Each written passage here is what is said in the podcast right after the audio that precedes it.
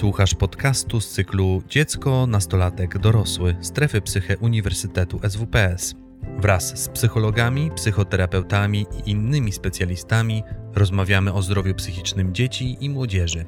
Więcej merytorycznej wiedzy psychologicznej znajdziesz na psycheswps.pl oraz w kanałach naszego projektu na YouTube i Spotify.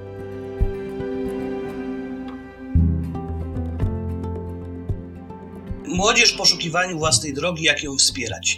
Jak na początek chciałbym, żebyśmy się zastanowili chwilę nad tym, jak postrzegamy w ogóle okres dorastania.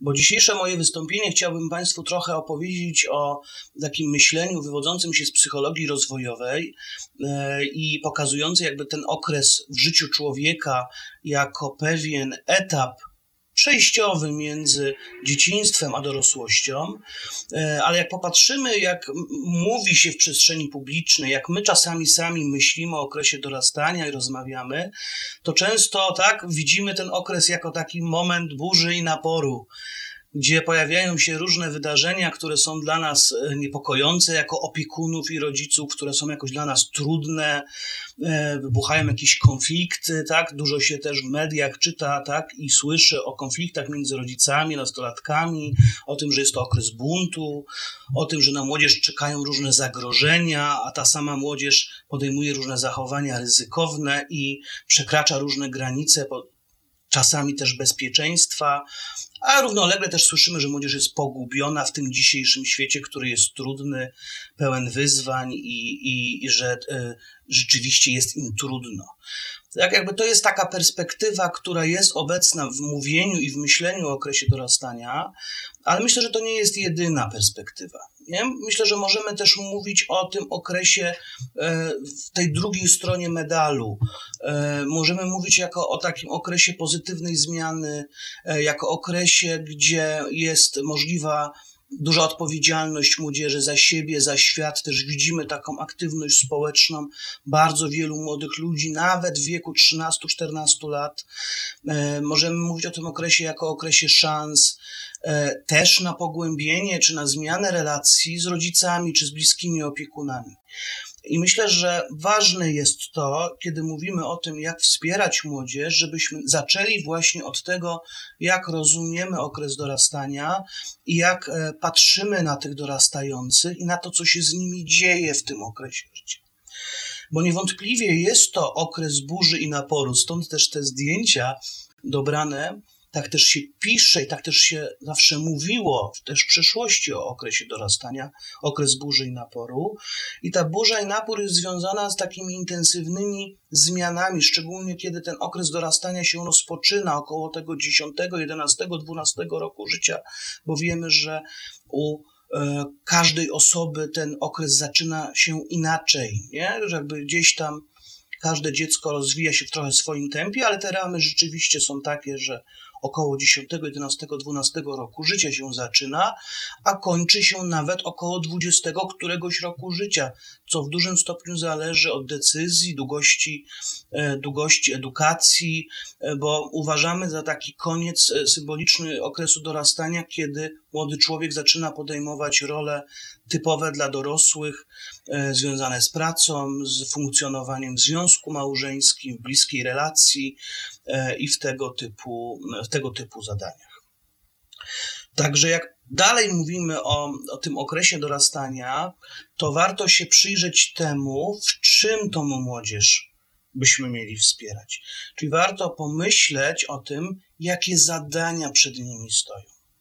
I pewne zadania wynikają z rozwoju, e, czyli jakby z tego, co jest do osiągnięcia w tym wieku a pewne zadania są związane z licznymi rolami, które, w których młodzi ludzie uczestniczą i pewne z tych ról, taka jak rola edukacyjna, czyli rola ucznia, czy y, role związane z funkcjonowaniem w grupie rówieśniczej są mocno powiązane z tym, jaka jest nasza kultura, z miejscem naszego życia, ze stylem życia. E, I tu mam na myśli zarówno ten polski styl życia, jak i lokalny styl życia i tak dalej, i tak dalej. I to, co bym chciał pierwsze zwrócić uwagę, ile tych zadań rozwojowych przed młodzieżą stoi. i że każde z tych zadań, które teraz się wyświetla Państwu na ekranie, jest dużym zadaniem. No bo jeżeli mówimy o tym, że zadaniem jest nawiązywanie nowych i bardziej dojrzałych związków z rówieśnikami obojga płci, różnych związków, różnych relacji, to jest to zadanie, które jest naprawdę na te kilka lat, albo nawet prawie 10, nawet kilkanaście lat, zadaniem, który, które też e, jego realizacja się zmienia w czasie. Nie? Czyli młodzi ludzie na początku okresu dorastania, w tej wczesnej fazie dorastania, tak inaczej budują relacje niż będą budowali za te 5 lat, kiedy będą już na przykład w liceum i kiedy będą już e, e, tak prawie że dorośli. Tak samo, jeżeli mówimy o takim zadaniu jak opanowywanie społecznej roli związanej z płcią. E, akceptowanie własnej fizyczności, efektywne korzystanie z własnego ciała, osiąganie emocjonalnej zależności od rodziców i innych dorosłych. To są zadania na dekadę albo i dłużej. I tak też są przez młodych ludzi realizowane. Oczywiście, jak mówimy o zadaniach rozwojowych, to mówimy o tym, co my widzimy jako dorośli, co przed nimi stoi, bo młodzi ludzie nie zawsze są świadomi tego, że to jest ich gdzieś tam zadaniem przygotowywać się do takich ról. Oni to po prostu robią. I oni są w różnych sytuacjach i w różnych sytuacjach się nad nimi zastanawiają i w ten sposób się osadzają w tych różnych zadaniach. Druga rzecz, na którą chciałem zwrócić szczególną uwagę, to to, że w, w, dzisiejszych czasach szczególnie obciążenia młodych ludzi inne niż te, które wynikają z zadań rozwojowych, też są bardzo duże. E, przeglądałem sobie przed wystąpieniem dzisiejszym plany lekcji uczniów szkół podstawowych i liceów i widziałem tam pojedyncze dni, gdzie właściwie, jak patrzyłem, to młodzież jest obciążona nauką bardziej niż na etacie. No bo mają ileś godzin na przykład w szkole, w technikum to szczególnie widać, e, a potem wracają do domu i mają przecież rzeczy do zrobienia w domu jeszcze szkolne. Czyli nagle się okazuje, że ilość czasu spędzanego przy nauce jest większa niż na przykład na etacie. Nie? Może nie jest tak codziennie, ale tak czy tak to obciążenie jest duże. E, te obciążenia związane z rolami w grupie rówieśniczej też nie są małe, no bo wiedzą Państwo, grupy nastolatków to są miejsca, gdzie się dużo dzieje, gdzie jest duża zmienność, gdzie wybuchają e, e, sympatie i antypatie, wydarzają się konflikty albo, wyda- albo zdarzają się rzeczy szczególnie warte uwagi, to też jest coś, co angażuje energię młodych ludzi. I to nie tylko pod kątem realizacji zadania, jaką jest uczenie się relacji, ale też pod kątem czasowym, a czasami emocjonalnym obciążeniem. I również podobnie widzimy to w, w, rolach rodzinnych, kiedy młody człowiek funkcjonuje, relacje z siostrą, bratem, z rodzicem, e, z mamą, z tatą, z dalszą rodziną. To wszystko generuje obciążenia w takim sensie czasowym, energetycznym i obciążenia w takim sensie, e, e, że generuje potrzebę jakiejś reakcji na różne wydarzenia, które się wydarzają. No i wreszcie też każdy młody człowiek ma swoje własne osobiste obciążenia, czyli ma sytuacje, które są dla niego z jakiegoś powodu trudne, albo ma jakieś cechy czy właściwości, czy przynależy do jakiejś grupy e, mniejszościowej, gdzie ma pewne wyzwania z tym związane. Jak popatrzymy, ile tych wszystkich obciążeń w tej chwili jest u młodych ludzi, ile zadań przed nimi stoi, to y, będzie nam łatwiej zrozumieć i zobaczyć to, że oni rzeczywiście gdzieś tam potrzebują naszego życzliwego wsparcia, bo kiedy dużo wyzwań przed człowiekiem stoi, kiedy dużo obciążeń człowiek ma, to potrzebuje wokół siebie życzliwych ludzi. Jest to dla niego ważne. I z tej perspektywy patrząc, potrzeba wsparcia jest jak najbardziej widoczna u młodzieży, jest jak najbardziej zaznaczona i istotna. Jak mówimy też o zadaniach rozwojowych i o tych wszystkich obciążeniach, no to teraz jest pytanie, na pewno się pojawia, ok, ale dokąd to wszystko prowadzi? Mniej więcej wiemy skąd to wszystko idzie. Czyli to idzie z dzieciństwa, kończy się dzieciństwo, zaczyna się dorastanie, dojrzewanie biologiczne, intensywne zmiany biologiczne w ciele młodego człowieka, intensywne zmiany w otoczeniu jego społecznym, bo zmieniają się wymagania, kiedy widzimy, że młody człowiek wkracza okres dorastania, zaczynamy mieć wobec niego trochę inne wymagania, zaczynamy na niego trochę inaczej patrzeć, zaczynamy trochę inaczej do niego mówić, a nawet jeżeli my jako opiekunowie nie robimy tego inaczej, to inni ludzie to widzą i inni ludzie inaczej reagują na tego młodego człowieka. I, i w związku z tym pytanie, dokąd realizacja tych zadań go prowadzi, jaki jest cel rozwojowy w tym okresie życia, co jest tym, co jest szczególnie istotne. I tutaj jest ta metafora drogi, nie? z początku wystąpienia i z tytułu wystąpienia. Młodzież w poszukiwaniu własnej drogi. Czego młodzież poszukuje aktywnie? Jakiegoś swojego projektu życia, jakiegoś swojego miejsca na świecie, jakiejś wizji siebie i przyszłości. Jak mówimy o tej wizji siebie i przyszłości, to y, mówimy o tym, y, że młodzi ludzie gdzieś tam szukają pewnych odpowiedzi na pewne pytania, które nazywamy tożsamościowymi. Oczywiście niektórzy młodzi ludzie są w tym bardziej świadomi, niektórzy młodzi ludzie wprost taką myśl podają, mówią o tym, że to jest coś, co jest dla nich istotne, że chcą wiedzieć, a inni młodzi ludzie są tego mniej świadomi i nie mówią o swoich przemyśleniach, albo nawet niekoniecznie w ten sposób przetwarzają rzeczywistość. Na przykład Rzesza Młodych Ludzi funkcjonuje tak, że na przykład bardziej poprzez aktywność, poprzez to, co robią, e, doświadcza świata i ten element refleksji nie zawsze się u nich pojawia.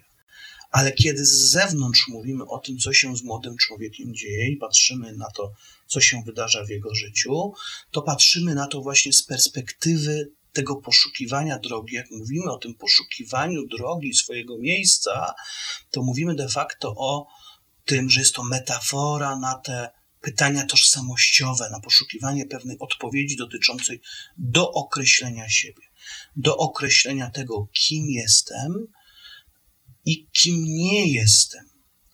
Bo odpowiedzi mogą być jestem taki, albo jestem taki jak ktoś, albo jestem e, podobny, albo jestem w czymś inny. I to dookreślanie siebie nie jest procesem, który zachodzi przez jeden dzień, a nie jest procesem, który da się łatwo zamknąć, bo nowe doświadczenia życiowe, nowe sytuacje powodują to, że te odpowiedzi ewoluują, że do tego, do odpowiedzi, kim jestem kim nie jestem, dołączają się coraz to nowe wątki. Nie? I to nie jest tylko pytanie o to, kim jestem we własnym przekonaniu, czy w odbiorze innych, bo to też jest ważne, jak inni mnie odbierają, ale też jest to e, przekonanie, gdzie przynależę. E, tak jak już mówiliśmy, na ile jestem podobny z innymi, a na ile jestem od innych różny, na ile identyfikuję się z pewnymi grupami społecznymi. Czy to na podwórku, czy to w klasie z grupą społeczną, czy to z grupą społeczną jakąś szerszą w rozumieniu subkultury na przykład, czy to w przynależności na przykład narodowej, czy identyfikuje się z pewnymi wartościami, wartościami, jakbyśmy tu powiedzieli, polskimi albo europejskimi. Takie identyfikacje często ludzie, e, ludzie przeprowadzają. I jest jeszcze w tym wszystkim jeden istotny wątek, jest też wątek przyszłości.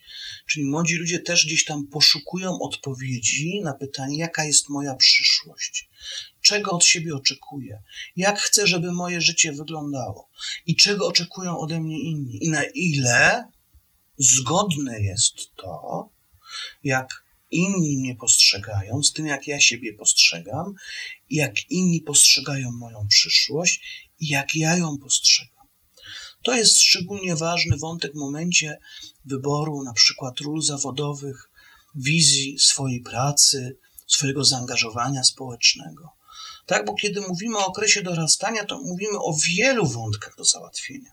Mówimy o wątku zawodowym, mówimy o wątku e, takim właśnie społecznym, mówimy o wątku psychoseksualnym e, i jeszcze innych. To są te wszystkie wątki, które były widoczne przed chwilą w zadaniach. I w tych wszystkich wątkach dookreślanie swojej tożsamości jest ważne. Tak, szczególnie ważne jest na poziomie systemu wartości, którymi się będzie młody człowiek. Bo ten system wartości jest tą wewnętrzną busolą, ale zanim on się stanie wewnętrzny, musi zostać uwewnętrzniony. No a jak to się wszystko dzieje? Jak, jak, jak, jak o tym mówimy, jak opisujemy ten proces zmiany tożsamości? I opisujemy go za pomocą dwóch takich pojęć, jakim jest eksploracja i zobowiązanie. Czyli opisujemy to w ten sposób, że młodzież poszukując swojej drogi, sprawdza różne sytuacje, eksploruje, eksperymentuje e, też na tym poziomie, że sprawdza, jak na różne jego zachowania zareaguje otoczenie i też co się stanie, kiedy jakieś zachowanie podejmie. Młodzież też sprawdza relacje swoje z ludźmi. I z zasady jest tak, przynajmniej takie są moje obserwacje, doświadczenie, tak też się o tym mówi i pisze, że jeżeli młodzież ma zaufanie do dorosłych wokół siebie i ci dorośli są dla niego ważni, to właśnie młodzież tych dorosłych granice będzie sprawdzać e, i, ty, i to zdanie dorosłych z tych e, dla nich bliskich i ważnych będzie ważne.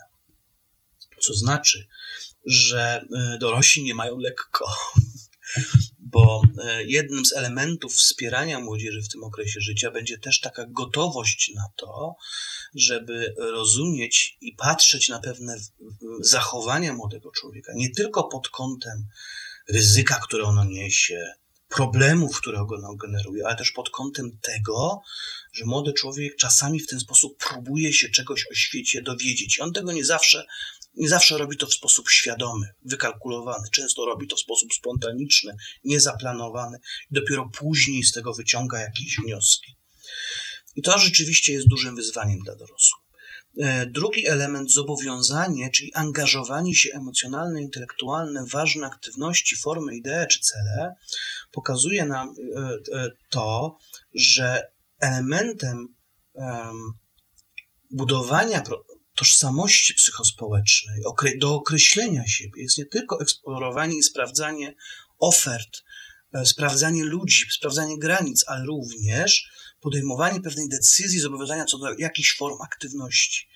Jeżeli młody człowiek czymś się zainteresował, to i zaczyna to robić, jest w tym systematyczny, to mówimy, że w jakiś sposób się zobowiązuje. Nie przed kimś zewnętrznym, tylko przed sobą. Przed sobą, czasem, jeżeli widzimy, że jego zaangażowanie rośnie i na przykład przychodzi do nas po to, żeby mu kupić nowy aparat, który kosztuje kilka tysięcy złotych, no to wtedy też my zaczynamy to zaangażowanie i zobowiązanie sprawdzać. Mówić, czy aby na pewno jest to dla ciebie na tyle ważne, że tutaj taki koszt jest do poniesienia przez naszą rodzinę. I w tym sensie zobowiązanie też bywa zobowiązaniem przed kimś ale zachęcam do takiego myślenia, że jest przede wszystkim zobowiązaniem względem siebie. I te dwa procesy eksploracji zobowiązania są takimi nurtami, którymi biegnie ta rzeka okresu dorastania i ten moment, i to do określania swojej tożsamości, bo tak byśmy mogli je wyróżnić. I, do, i dokąd ona biegnie? No, jest do takiej szansy rozwojowej, jaką jest e, osiągnięcie e, własnej, indywidualnej, osobistej tożsamości indywidualnej, której ta tożsamość jest rozumiana właśnie jako rozpoznanie swojego miejsca w świecie, e, znajomość siebie i rozumienie siebie, wykrystalizowanie się pewnych wątków związanych z systemem wartości, z funkcjonowaniem e, w relacjach z innymi. E, I jak mówimy o tożsamości indywidualnej, szczególnie dojrzałej, to mówimy o takim poziomie funkcjonowania, w którym te wątki są podookreślane w sposób elastyczny i po osiągnięciu, e, tak, czy po zrealizowaniu i sprawdzeniu różnych ofert i możliwości działania, po eksploracji, wraz z takim zobowiązaniem, gotowością do tego, żeby też e, być wiernym sobie nie? i temu, co zostało ustalone. Ale proszę Państwa, to nie jest jedyny proces, który się odbywa, jeżeli mówimy o tożsamości, bo drugi wątek ważny tożsamościowy to jest osiągnięcie tożsamości grupowej, czyli wykrystalizowanie takiego poczucia przynależności do grupy, do otoczenia społecznego, poczucia łączności z innymi, e, poczucia, że e, jestem tutaj z innymi podobnymi do siebie. Nie jestem identyczny z nimi, ale mam swoją grupę. Nie mam ludzi za sobą. I ten wątek bardzo mocno wśród młodych ludzi widzimy. On jest bardzo silny e, e, wśród w czasie wczesnego dorastania, do 15-16 roku życia i pozostaje ważnym wątkiem aż do końca okresu dorastania dla wielu, wielu ludzi, czyli jest to rzeczywiście wątek istotny. Po drugiej stronie też jest pewne ryzyko rozwojowe.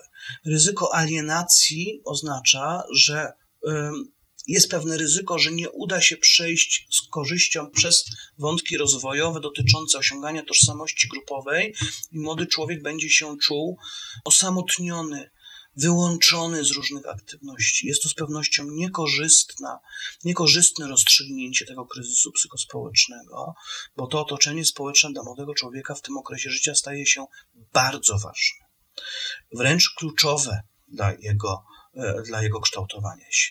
A jeżeli chodzi o kwestię osiągnięcia tożsamości indywidualnej, to mamy pewne ryzyko dyfuzji ról.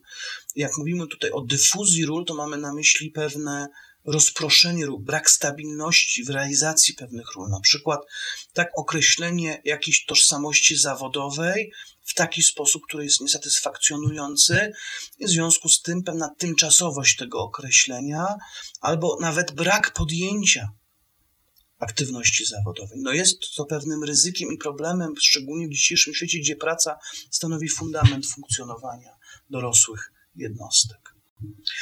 Jak już wiemy, jak ten proces mniej więcej kształtowania się tożsamości przebiega, to chciałbym, żebyśmy się jeszcze przyjrzeli, czy możemy wyróżnić pewne etapy tego e, przebiegu tego rozwoju. I rzeczywiście, e, I rzeczywiście w literaturze taka propozycja też jest do odnalezienia, e, gdzie mówi się o pewnych czterech statusach tożsamości, które często przebiegają w pewnym określonym porządku, przy czym nie u każdego ten porządek jest taki sam. To znaczy, zwykle y, zaczyna się okres dorastania takim trudnym momentem, kiedy u młodych ludzi widzimy brak wyraźnej zasady porządkującej ich życie, kiedy jest poczucie chaosu biorące się z intensywnych zmian zachodzących zarówno wewnątrz ciała młodych ludzi, jak i w ich otoczeniu społecznym, w reakcjach tak, ich otoczenia na te zmiany i na ich samych. I wtedy też obserwujemy, jak młodzi ludzie funkcjonują w taki sposób nieuporządkowany. Czasami nas zaskakuje ich zachowanie, że na przykład widzimy młodych ludzi w towarzystwie kolegów, to zachowują się oni zupełnie inaczej niż, niż znamy ich na przykład z ich zachowania w domu. Albo kiedy są na zajęciach, są inni niż kiedy są w sytuacjach rozmowy bezpośredniej. I taka zmienność funkcjonowania i zachowania jest naturalna, dlatego że w tym momencie pod naporem tych różnych wydarzeń i nacisków zewnętrznych i wewnętrznych, e, młodzi ludzie, że tak powiem, e, nie potrafią jeszcze w tym wieku i w tym etapie rozwoju, też ich tożsamości, określić się. Ale jest też tak, że zaczynają odczuwać pewnym momencie ten moment braku do określenia jako nieprzyjemny dla siebie, zaczynają poszukiwać często jakiejś oferty, która im ten porządek wprowadzi. To często jest poszukiwanie oferty zewnętrznej, przyjmowanie pewnych standardów bycia bez sprawdzania tych standardów. Tutaj często widzimy, jak młodzież zwraca się ku swoim idolom, czy to muzykom, czy to postaciom z filmów, czy z popkultury, czy to influencerom, e, czy to osobom w jakiś sposób, z jakiegoś powodu dla nich ważnym. E, I wtedy młodzież przyjmuje te standardy bez ich sprawdzania. Czyli po stronie eksploracji zobowiązania widzimy, że oni się angażują w jakiś sposób funkcjonowania, robią pewne rzeczy, które robią ich idole, ale niekoniecznie sprawdzają, czy te rzeczy rzeczywiście są wartościowe. Niekoniecznie podejmują refleksję albo aktywne działania na temat tego, żeby sprawdzić, jaka jest wartość tego, co E, co robią ich idole i co oni potem na przykład sami robią.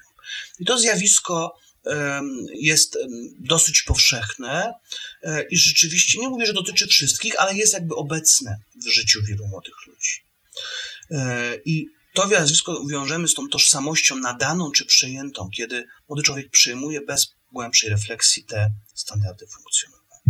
Zwykle w późniejszym okresie dorastania widzimy e, tożsamość moratoryjną, taki etap rozwoju tożsamości, w którym młodzi ludzie poszukują różnych e, rozwiązań i czasami odraczają decyzje co do zobowiązania, czyli mówią sobie nawet czasami wprost: spróbuję, zobaczę, sprawdzę siebie.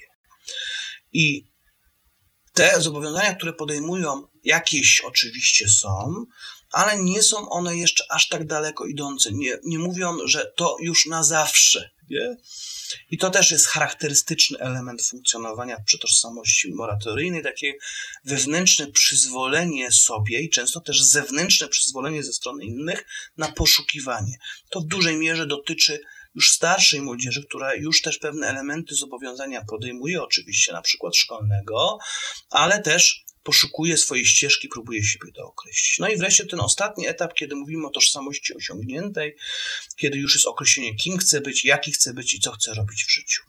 Jak zauważymy, te statusy tożsamości i ich dynamikę może być też tak, że możemy obserwować w rozwoju młodych ludzi pewne zmiany regresyjne. Czyli możemy mówić, że e, już byli na etapie pewnych poszukiwań takich dojrzalszych, ale z jakichś względów na przykład wydarzeń w ich życiu osobistym cofnęli się na przykład do tego, żeby przyjmować standardy innych bez ich sprawdzania.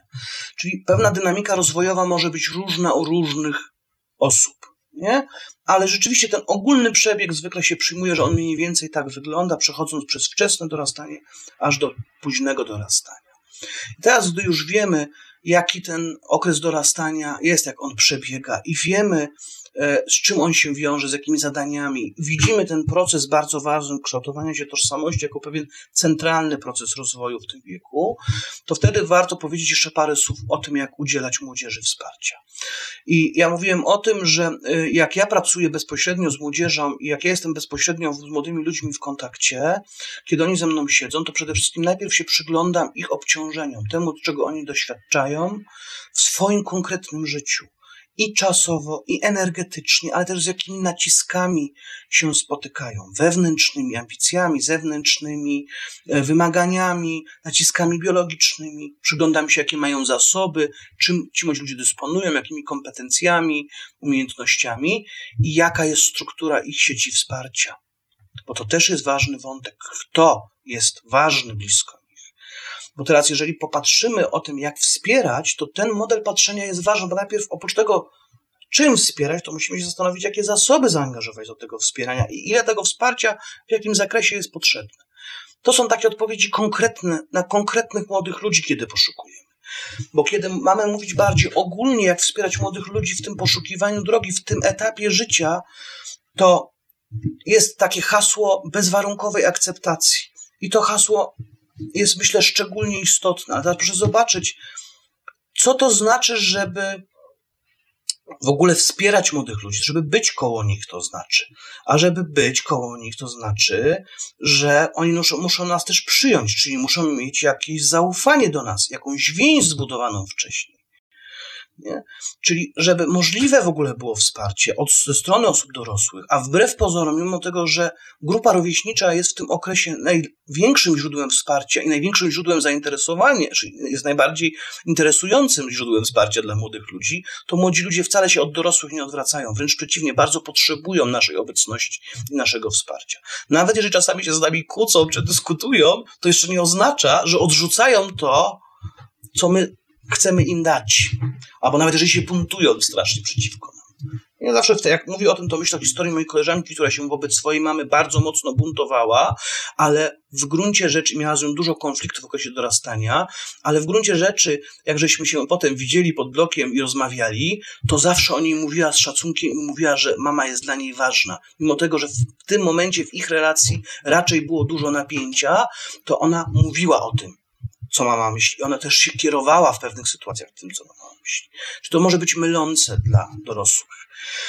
I e, dlatego ten pojęcie bezwarunkowej akceptacji tu jest też wprowadzone. Ja się z tym mocno zgadzam z autorami, którzy to piszą, że to nie chodzi o bezwarunkowe akceptowanie wszystkiego, co młody człowiek robi, tylko oddzielanie młodego człowieka od jego zachowania.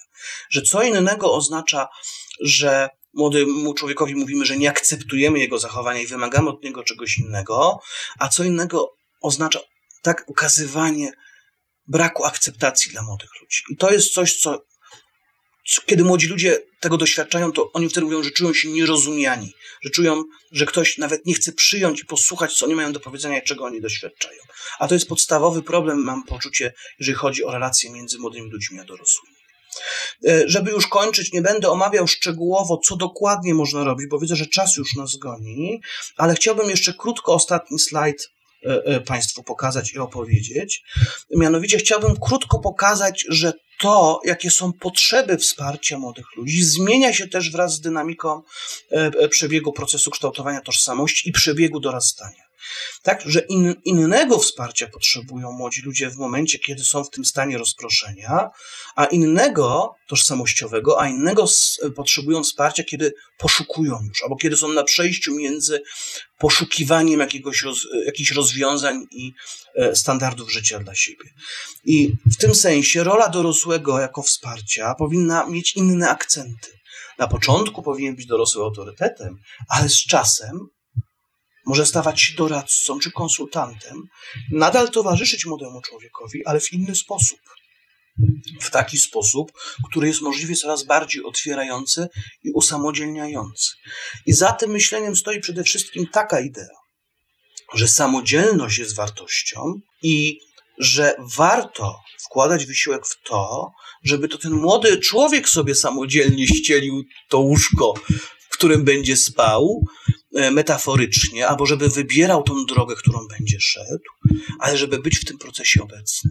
I to jest, myślę, najlepsze podsumowanie tego, co chciałem dzisiaj Państwu powiedzieć. Dziękuję za, za, za wystąpienie. Myślę, że to bardzo ważny temat. Jakoś tak osobiście czuję, że, że świetnie koresponduje z tymi potrzebami, o których ja wczoraj mówiłem. I tak mi się skojarzyło z tą bezwarunkową akceptacją i, i może tak wybiegam trochę pytania, które, które pewnie się pojawiają, czy wątpliwości. Bo rozumiem, że, że przynajmniej tak jak ja to rozumiem, że, że bezwarunkowa akceptacja nie oznacza, że my się na wszystko zgadzamy i na wszystko pozwalamy. Tak, dlatego sobie ten element tych wymagań oznacza rezygnacji z wymagań, nie? Czy to oznacza też nawet e, e, wycofania się z zakazów czy nakazów? Absolutnie nie. No mamy e, często jako rodzice do 18 roku życia, nawet i dłużej, pewne prawa. No jeżeli jest tak, że młody człowiek ma nawet 22 lata i chce z nami mieszkać, to mamy prawo wyznaczać pewne granice dotyczące tego, w jaki sposób ten dom nasz, którego na przykład my jesteśmy jako rodzice właścicielami, ma funkcjonować. Nie? Prawa, a do I... 18 roku życia obowiązki a do 18 roku życia, tak to już nawet nie jest prawo, tylko wręcz dokładnie, jak pan mówi, obowiązki. Nie? Czyli, czyli e, tutaj jest tak, że, że dorosły te granice musi stawiać, od niego zależy, jak ostro je postawi, od niego zależy, jakie postawi, i od niego zależy, na ile będzie też uważnym słuchaczem młodych ludzi, na ile będzie w związku z tym pilnował tego, żeby perspektywa młodego człowieka została uwzględniona. Ona nie musi być e, w pełni zrealizowana, ale uwzględniona.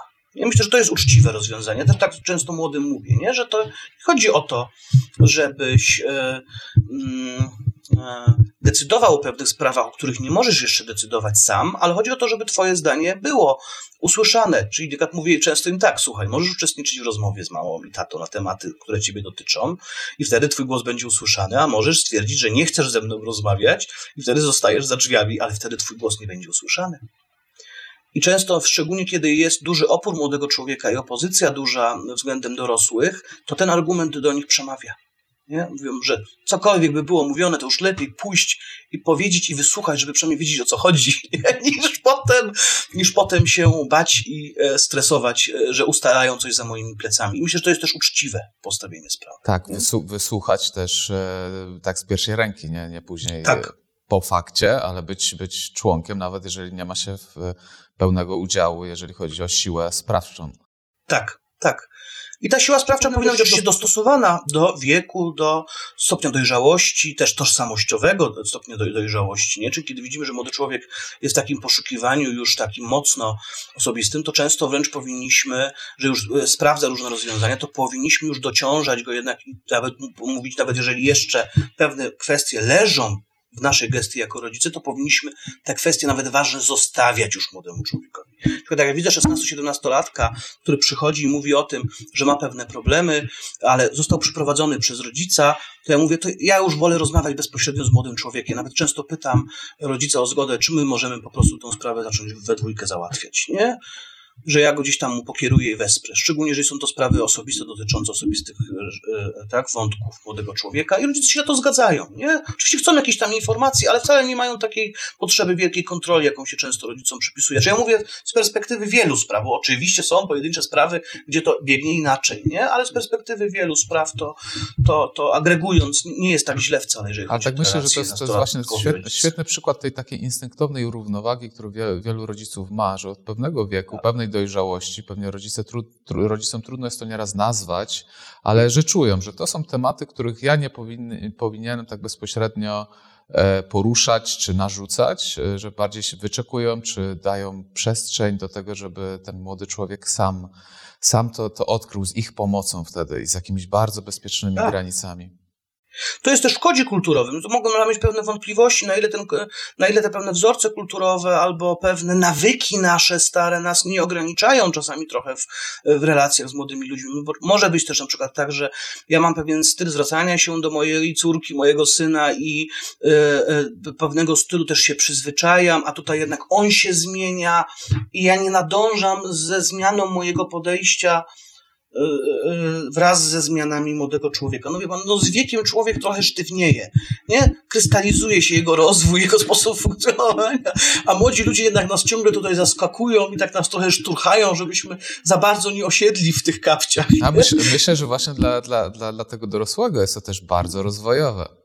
Tak, Prawda? tak. Dlatego tam też ta szansa rozwojowa, o której mówiłem na samym początku, jak postrzegamy okres dorastania, to, to również dotyczy dorosłych, nie opiekunów. Nawet nie wiem, czy nie bardziej czasami tych opiekunów niż tych młodych ludzi. Rzeczywiście. E, mam, mam e, jedno pytanie z tak? czatu, ale wydaje mi się bardzo, bardzo na, na czasie i chciałbym, żeby chociaż to jedno pytanie tutaj e, wybrzmiało. Tak? Jak pandemia i lockdowny, które, które przeżywaliśmy, wpłynęły na rozwój tożsamości dzieci i młodzieży? Jakie konsekwencje Pan widzi, albo za chwilę może zobaczymy je? E, I tak. czy możemy zrobić, co możemy zrobić, żeby pomóc teraz dzieciom? Jak zwrócimy uwagę na zadania rozwojowe, to warunki makrospołeczne różne, nie tylko pandemia, na pewno wpływają na formy realizacji, czyli na to, jak się realizuje pewne zadania rozwojowe na przestrzeni lat.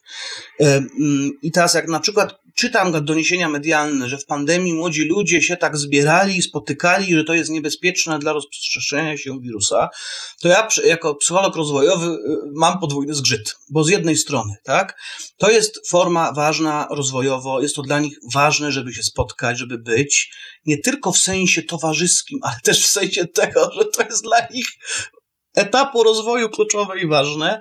I pozostawanie w izolacji, jak widzieliśmy, jest jednym z problemów i ryzyk tego wieku. Dla tego wieku. Czyli w tej perspektywie nasila się ryzyko izolacji, pewnych problemów związanych z poczuciem tożsamości, takiej identyfikacji grupowej, e, bycia razem. Przenosi się to do internetu, gdzie styl komunikacji jest inny niż w komunikacji bezpośredniej, gdzie jest skrócony, bardziej obrazowy.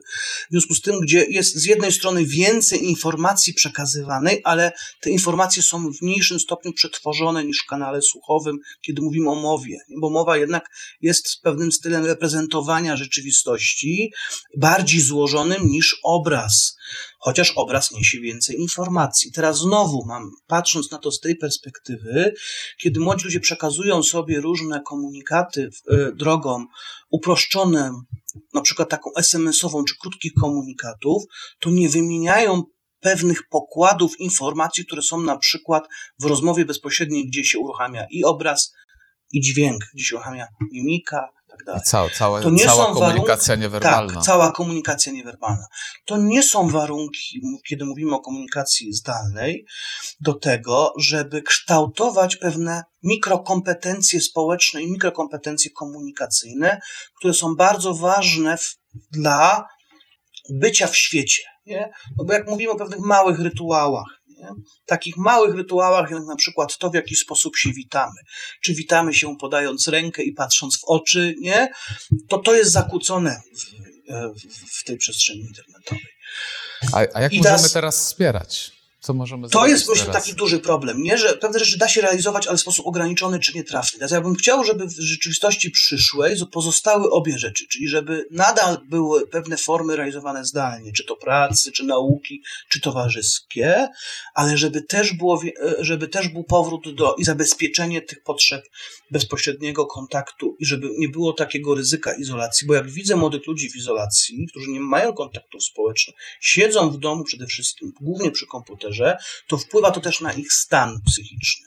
Jeżeli chcemy ich wspierać, to zachęcać ich to przede wszystkim do aktywności. Posiedzenie przy komputerze, nawet jeżeli wiąże się z pisaniem, czytaniem czy tworzeniem czegoś, jednak jest aktywnością, która w małym stopniu angażuje nasze całe ciało i nasz cały umysł. Czyli najlepszym wsparciem jest jednak łagodnie i spokojnie, ale zachęcać do podejmowania różnorodnych aktywności. Jeżeli mówimy o treści tego wsparcia, bo jeżeli mówimy o jakości tego wsparcia, no to bym powiedział tak, że przede wszystkim poprzez zachęcanie do współangażowania się. Czyli chodź, zrobimy coś razem, chodź, wyjdziemy, chodź, pójdziemy do, nie? Albo pomóż mi załatwić tą sprawę, nie? Albo wejdź, pójdź z kolegą tam i tam. To są Dziękuję, tego dziękuję typu panie Mateuszu. sposoby. E, Tak, tak śp- śpieszę się, przepraszam, ale Jasne, mało czasu. czas, a ja się potrafię rozwinąć. E, ale chciałbym, chciałbym zadać jeszcze jedno pytanie, które się Tak. pojawiło przed momentem, a pewnie też, też odpowiedź może być bardzo, bardzo rozległa i złożona, ale pani Oktawia pyta, jak można wspierać młodego człowieka w przypadku samookaleczeń? Pewnie to też zależy Mhm. od indywidualnego przypadku bardzo. To wymaga specjalistycznej, indywidu, zindywidualizowanej pracy, nie? Czyli jakby, jeżeli widzimy, że młody człowiek dokonuje samookaleczeń, to myślę, że należałoby się już zgłosić do psychologa, a nawet psychoterapeuty. Nie, no bo jednak jest to problem, e, który może mieć różne podłoże szczegółowe, który może też mieć pewne powiązanie oczywiście z sytuacją rozwojową młodego człowieka, ale na pewno wymaga przyglądania się z, e, jego sytuacji bliżej i wymaga specjalistycznych też pewnie kompetencji, żeby bezproblemowo przez ten proces przeprowadzić i młodego człowieka, i jego rodzica. To ja też em, powiem ze swojej strony, Pani Oktawio, że w, wczoraj, i trochę ja o tym mówiłem, bo to też właśnie zależy od, od potrzeb, które leżą e, pod, pod e, takim zachowaniem, ale także doktor e, Wiśniewski mówił i nawet w jednym, na jednym slajdzie była taka tabelka różnych zagrożeń, jeżeli chodzi o samouszkodzenia, więc też polecam powrót do wczorajszego do Tak, i on też pięknie mówił o tym triażu, kiedy się właśnie zgłosi do specjalisty i co jest uznawane za najpilniejsze, nie? E, Ale tutaj rzeczywiście bez konsultacji ze specjalistą chodzi o samokorzyść, bo to jednak jest uszkodzenie ciała, nie? Czyli to wymaga jakiejś interwencji, nie należy tutaj, e, tutaj e, czekać, nie? To serdecznie dziękuję Panie Mateuszu. Ja również pięknie dziękuję za tą możliwość, pozdrawiam wszystkich odbiorców i Pana również, Panie Bartoszu. Do widzenia i do zobaczenia. Wszystkiego dobrego.